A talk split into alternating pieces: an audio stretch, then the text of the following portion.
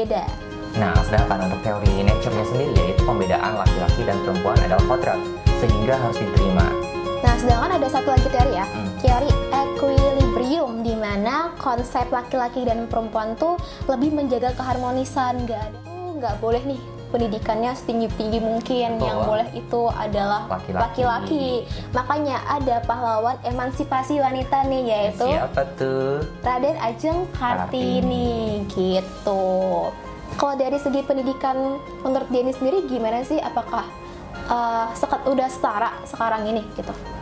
Iya, menurut Denny udah setara sih, bahkan yang setahu Denny, ri- riset menunjukkan Ngapain sih perempuan sekolah tinggi-tinggi nanti juga ujung-ujungnya di dapur? Ngapain jadi cewek karir? Toh juga nanti ada suami yang nafkahin. Eh, nikah kapan? Nanti jadi perawan tua loh. Banyak stigma-stigma negatif yang telah menggugat eksistensi perempuan selama berabad-abad lamanya. Perempuan dianggap sebagai manusia yang dinilai tidak memiliki konotasi bagi dunia luar. Hingga pada saatnya, muncullah sosok pahlawan nasional yaitu Raden Ajeng Kartini yang dinobatkan sebagai pahlawan emansipasi wanita. Berkat Kartini, perempuan bukanlah lagi sosok yang hanya berdiam di rumah mengurus suami dan anak, tetapi perempuan juga memiliki hak dan kesempatan yang sama tanpa adanya pembedaan gender dan diskriminasi.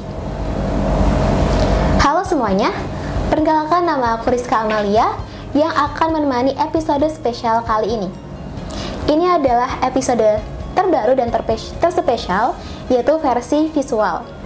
Nah, di sini aku nggak sendirian nih. Aku ditemani oleh partner aku yaitu ada Denny. Halo Denny. Halo Teriska, Denny gimana nih kabarnya? kabar aku baik. Teriska gimana kabarnya? Alhamdulillah baik dan semoga tetap waras ya. Aduh, eh by the way tadi perawalnya keren banget. Wah. Udah wanita, pinter, cantik. Uh, siapa lagi coba yang gak pengen nikah sama Teriska? Eh, aku sih. Oke. Oke, by the way kita udah matching banget nggak sih OOTD? Oh, tentu banget. Aku pakai kebaya, kamu pakai Batik. Kita batik. siap kondangan. Kondangan ke mana nih? Info indung di bawah sini. Oke, kira-kira Denny tahu nggak sih kita bakalan bahas apa? Yang pastinya kita akan membahas tentang perempuan, yaitu kesetaraan gender. Oke, kita bakalan membahas masalah isu perempuan dan Hmm. kesetaraan gender. Gender. Nah, ngomongin masalah kesetaraan gender, kira-kira apa sih yang ada di pikiran Denny sendiri? Kalau menurut pendapat Denny sendiri, kesetaraan gender itu nggak ada pembeda antara laki-laki dan perempuan. Tapi menurut Teriska sendiri gimana nih?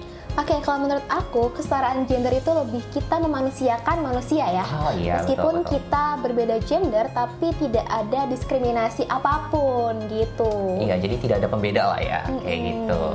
Ngomongin tentang gender, pasti kita berhubungan dengan maskulin dan feminim ya sih. Iya betul. Tahu nggak tuh apa tuh? Kalau menurut Denny, maskulin itu kayak laki-laki yang maco banget gitu, kan kayak maskulin, ya kan ya? Mm-mm. Tapi kalau feminim sendiri gimana? Kalau feminim tuh lebih ke wanita ya. Wanita kan tuh identik dengan perasa, Betul. mengayomi dan katanya Oh, lemah. lemah. Aduh ini Aduh, ini bukan bu- bukan menurut Denny ya. Tapi kebanyakan gitu. Teriska juga mengklaim nggak sih kalau kebanyakan wanita itu lemah? eh, kebanyakan wanita itu lemah. Aku agak nggak setuju ya, karena agak gimana ya kalau menganggap wanita tuh lemah gitu itu lebih ke stereotip Oh iya betul. masyarakat zaman dahulu nggak sih? Pertama sama aja kan antara laki-laki dan perempuan. Nah, jadi tahu nggak sih kalau kesetaraan gender itu punya tiga teori menurut ahli. Wah apa tuh? Jadi ada tiga teori nih yang mengungkapkan tentang kesetaraan gender, yaitu ada teori nurture, nature, dan equilibrium. Oh iya tahu tahu. Denny taunya yang nature. Mungkin nanti kita bisa gantian gitu ya nyebutinnya ya. Ya. Uh, kalau misalnya teori nurture itu merupakan perempuan dan laki-laki adalah hasil konstruksi sosial budaya sehingga menghasilkan peran dan tugas yang berbeda. Nah, sedangkan untuk teori nature-nya sendiri yaitu pembedaan laki-laki dan perempuan adalah kodrat sehingga harus diterima. Nah, sedangkan ada satu lagi teori ya, Hmm. teori equilibrium di mana konsep laki-laki dan perempuan tuh lebih menjaga keharmonisan, nggak ada uh, diskriminasi ataupun pembedaan lainnya. Oke. Gitu. Berarti semuanya udah tahu ya ketiga itu tuh apa aja. Mungkin bisa disebutin nih sama penonton. Coba tadi sebutin guys. Pada hafal gak nih? Aduh, kalau nggak apa langsung auto cek. Terus eh, membahas masalah kesetaraan gender ya, itu lebih ke kayak pola pikir nggak sih? Betul. Pola pikir masyarakat kadang ada yang lebih ke ini tuh perempuan kayak gini Betul. harus seperti ini, laki-laki harus seperti ini. Jadi kayak udah ada porsinya masing-masing. Kalau kan, kalau kan eh, kita tuh harus bisa mencicipi semuanya gitu.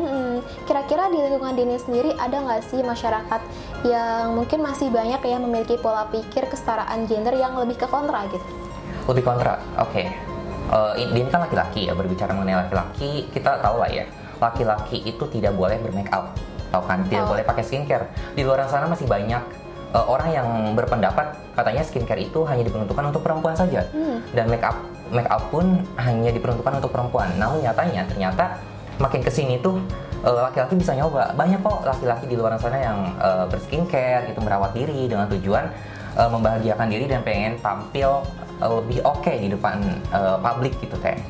Nah kalau dari teh Rizkanya sendiri ada nggak sih yang kayak gitu? Kalau misal tadi dia ini membahas masalah skincare versi laki-laki, Betul.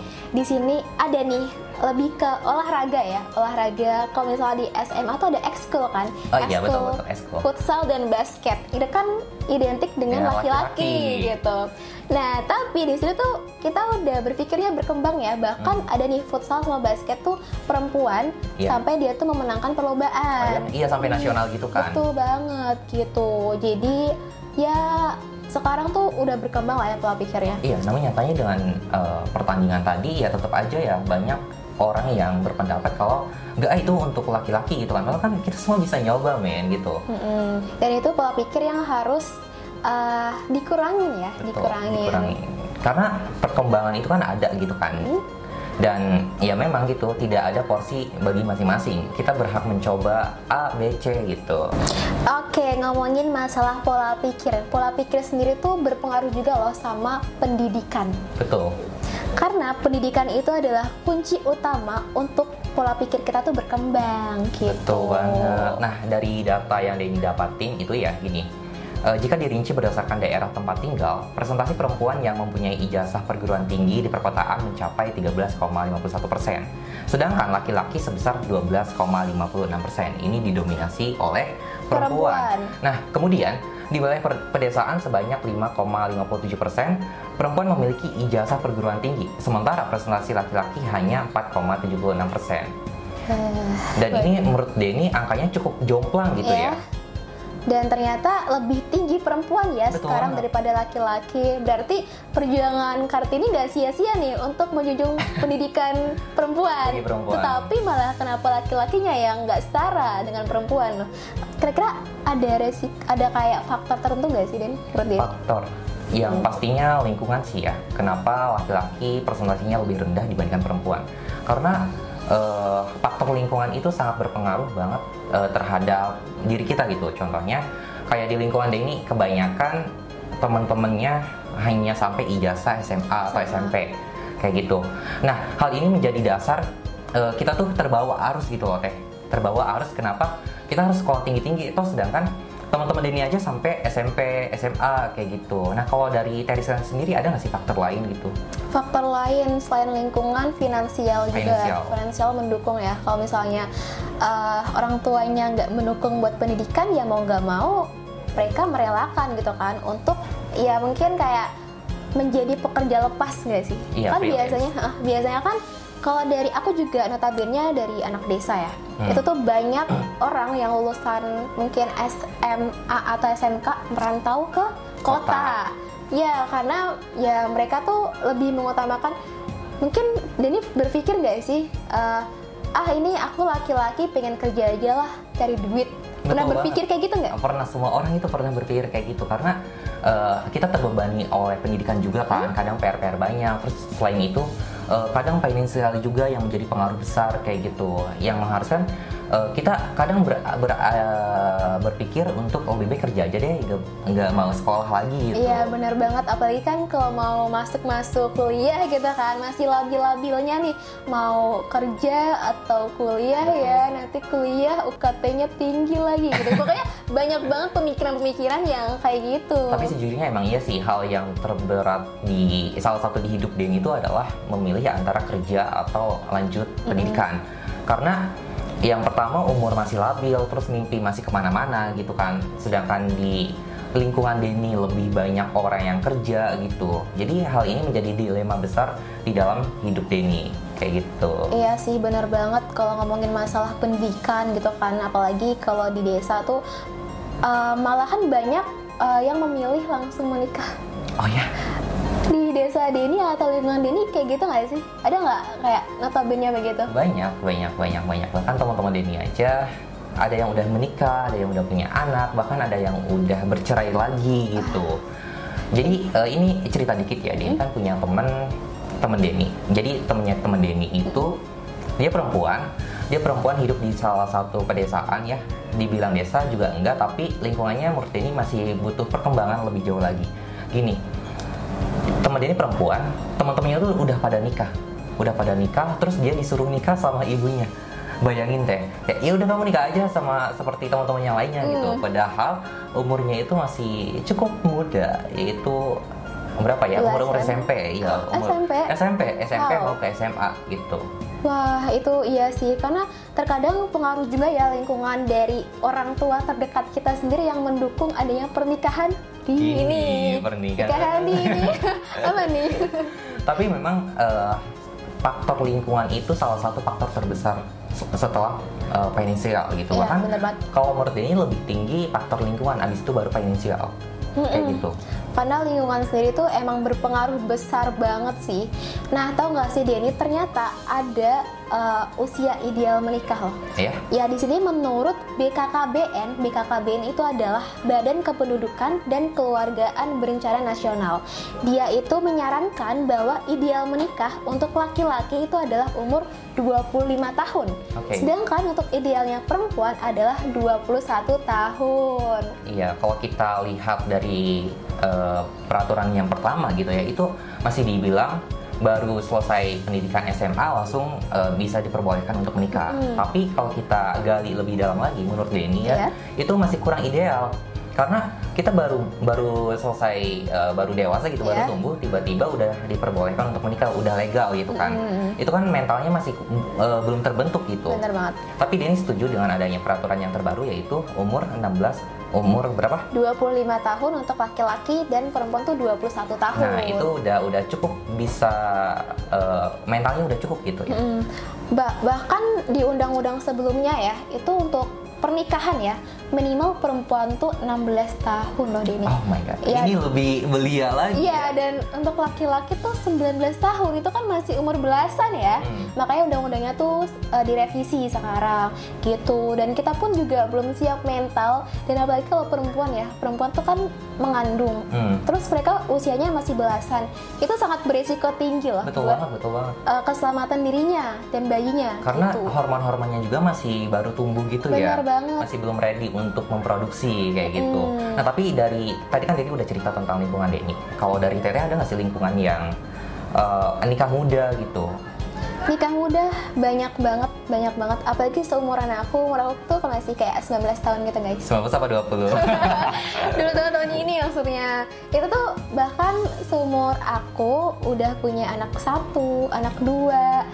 Aku tuh kayak mikir kenapa dia nggak memanfaatkan masa-masa remaja atau muda dia gitu kenapa harus menikah iya gitu betul loh. kayak berasa uh, umurnya tuh cuman di stuck sampai sana gitu bener kan banget padahal kan di masa muda kita bisa melakukan apa pun gitu betul. bisa menggali informasi-informasi lebih dalam hmm. sebelum kita uh, masuk ke dunia pernikahan. Bener. Tapi kalau dari Teriskanya sendiri mau nikah di umur berapa nih kira-kira?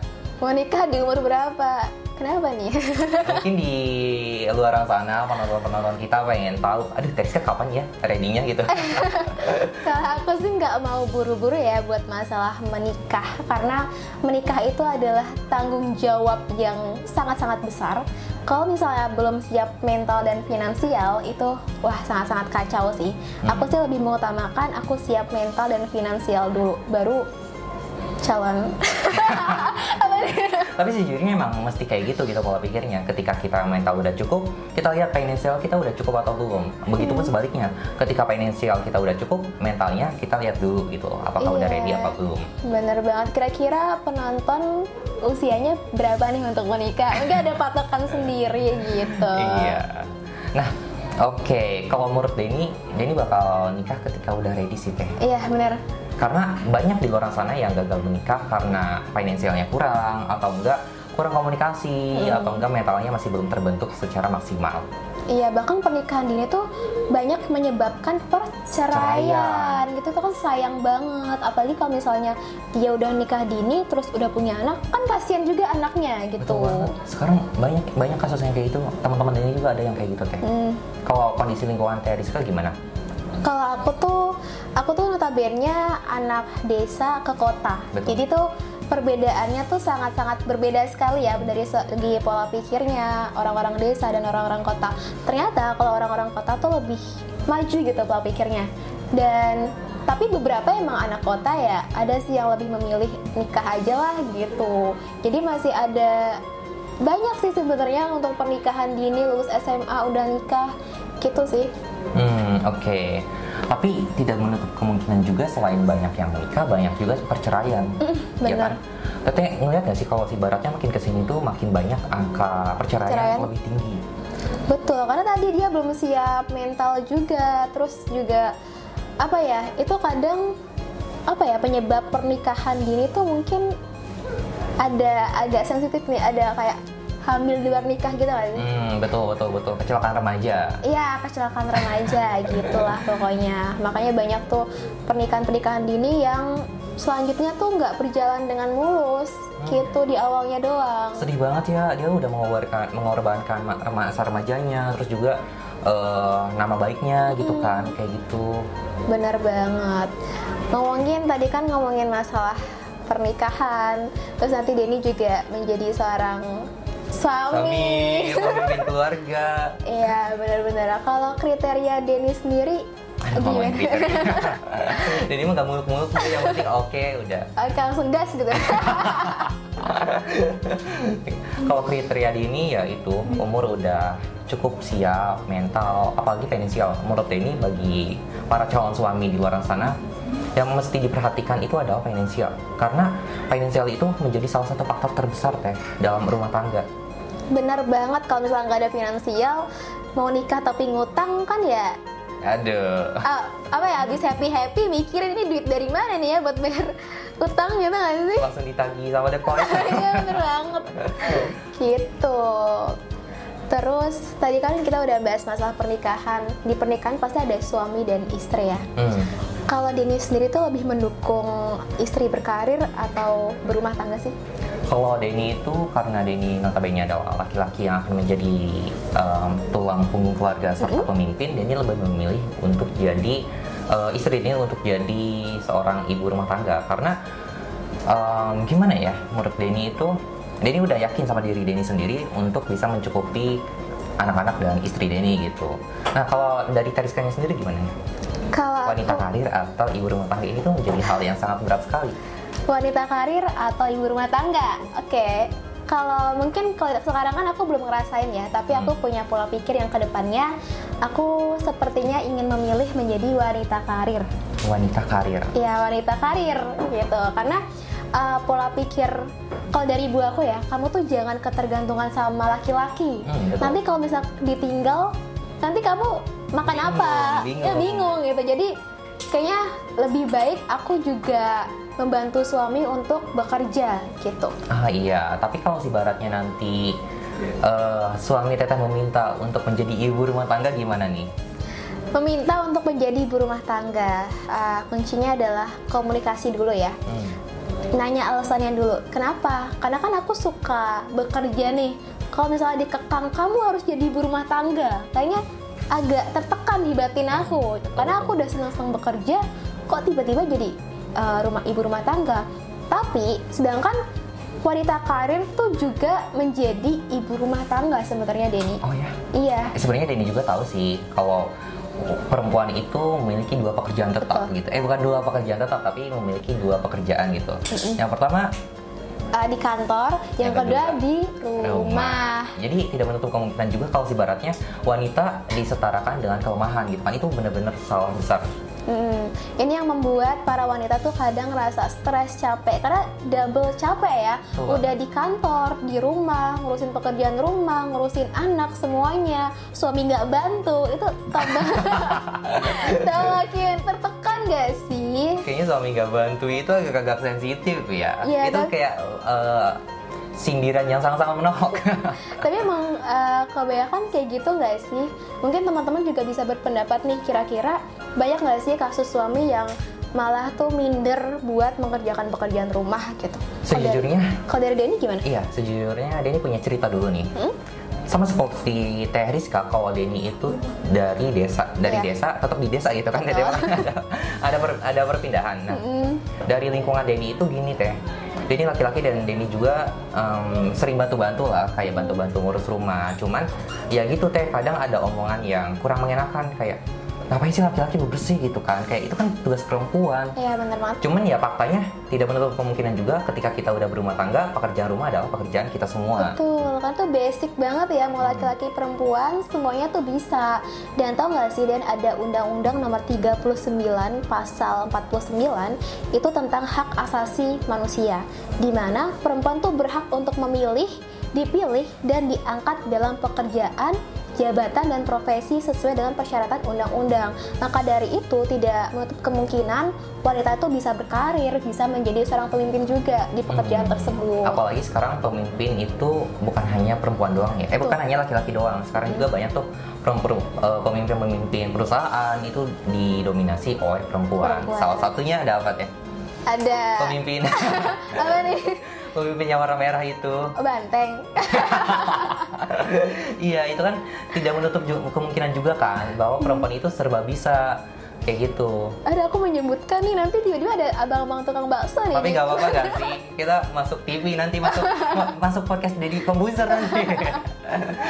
Iya bener banget sih Denny. Jadi tuh nggak cuma hak laki-laki doang, tapi perempuan juga punya hak dan kesempatan gitu. Betul banget.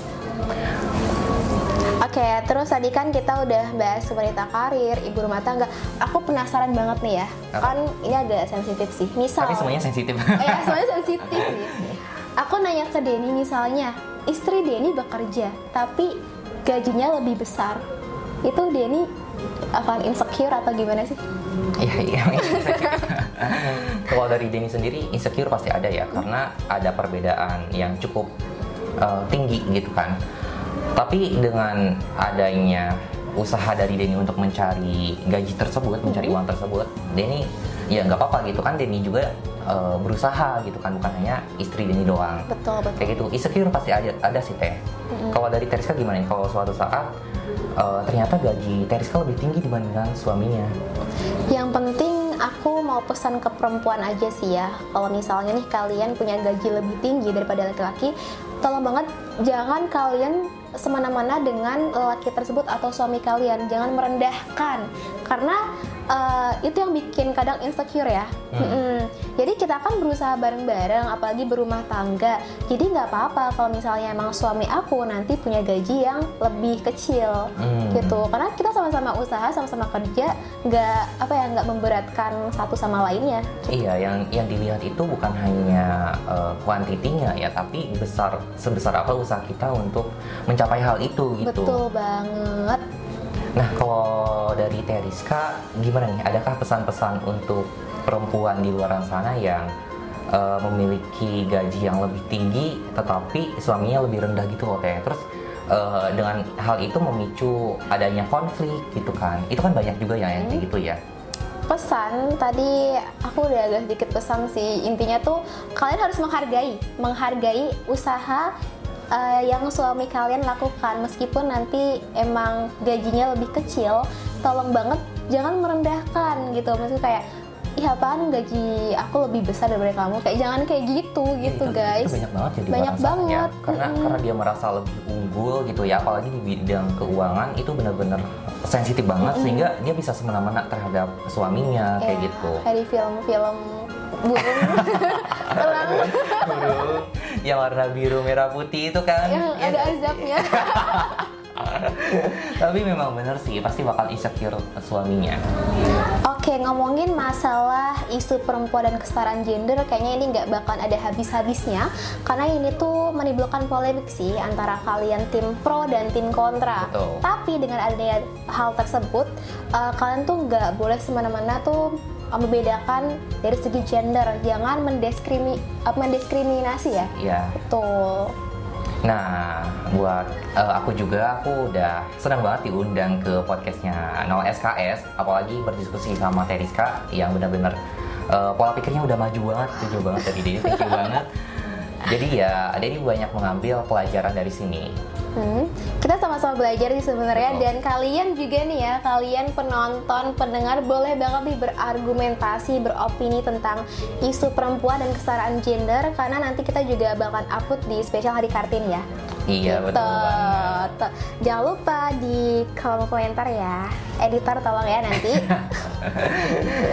gitu. Dan mungkin sekian episode podcast kali ini. Jangan lupa saksikan episode-episode selanjutnya. Betul banget, pasti, pastinya episode-episode selanjutnya tuh bakal lebih seru dari dibandingkan ini. Betul bang. Tapi itu menjadi ini nggak sih, menjadi tekanan bagi next podcaster? apa itu kan harus lebih wah gitu. Enggak kok, enggak kok. Di sini kita sama-sama belajar, Belajar, tidak ada, tidak saling menggurui gitu kan. Hmm, Yang penting adalah kita berusaha dan mencoba, mau mencoba sih, gitu guys. Ya udah di akhir penghujung acara, kayak udah sejam gak sih kita? Kayaknya tiga jam. Gak kerasa ya, gak kerasa. semakin lama durasinya semakin tinggi juga. Itu jadi action ya. ya itu juga sih. Bener-bener banget sih. Ya mungkin sekian dari aku dan Denny. Uh, jangan lupa nonton the next episode berikutnya ya. Sampai jumpa. Bye-bye.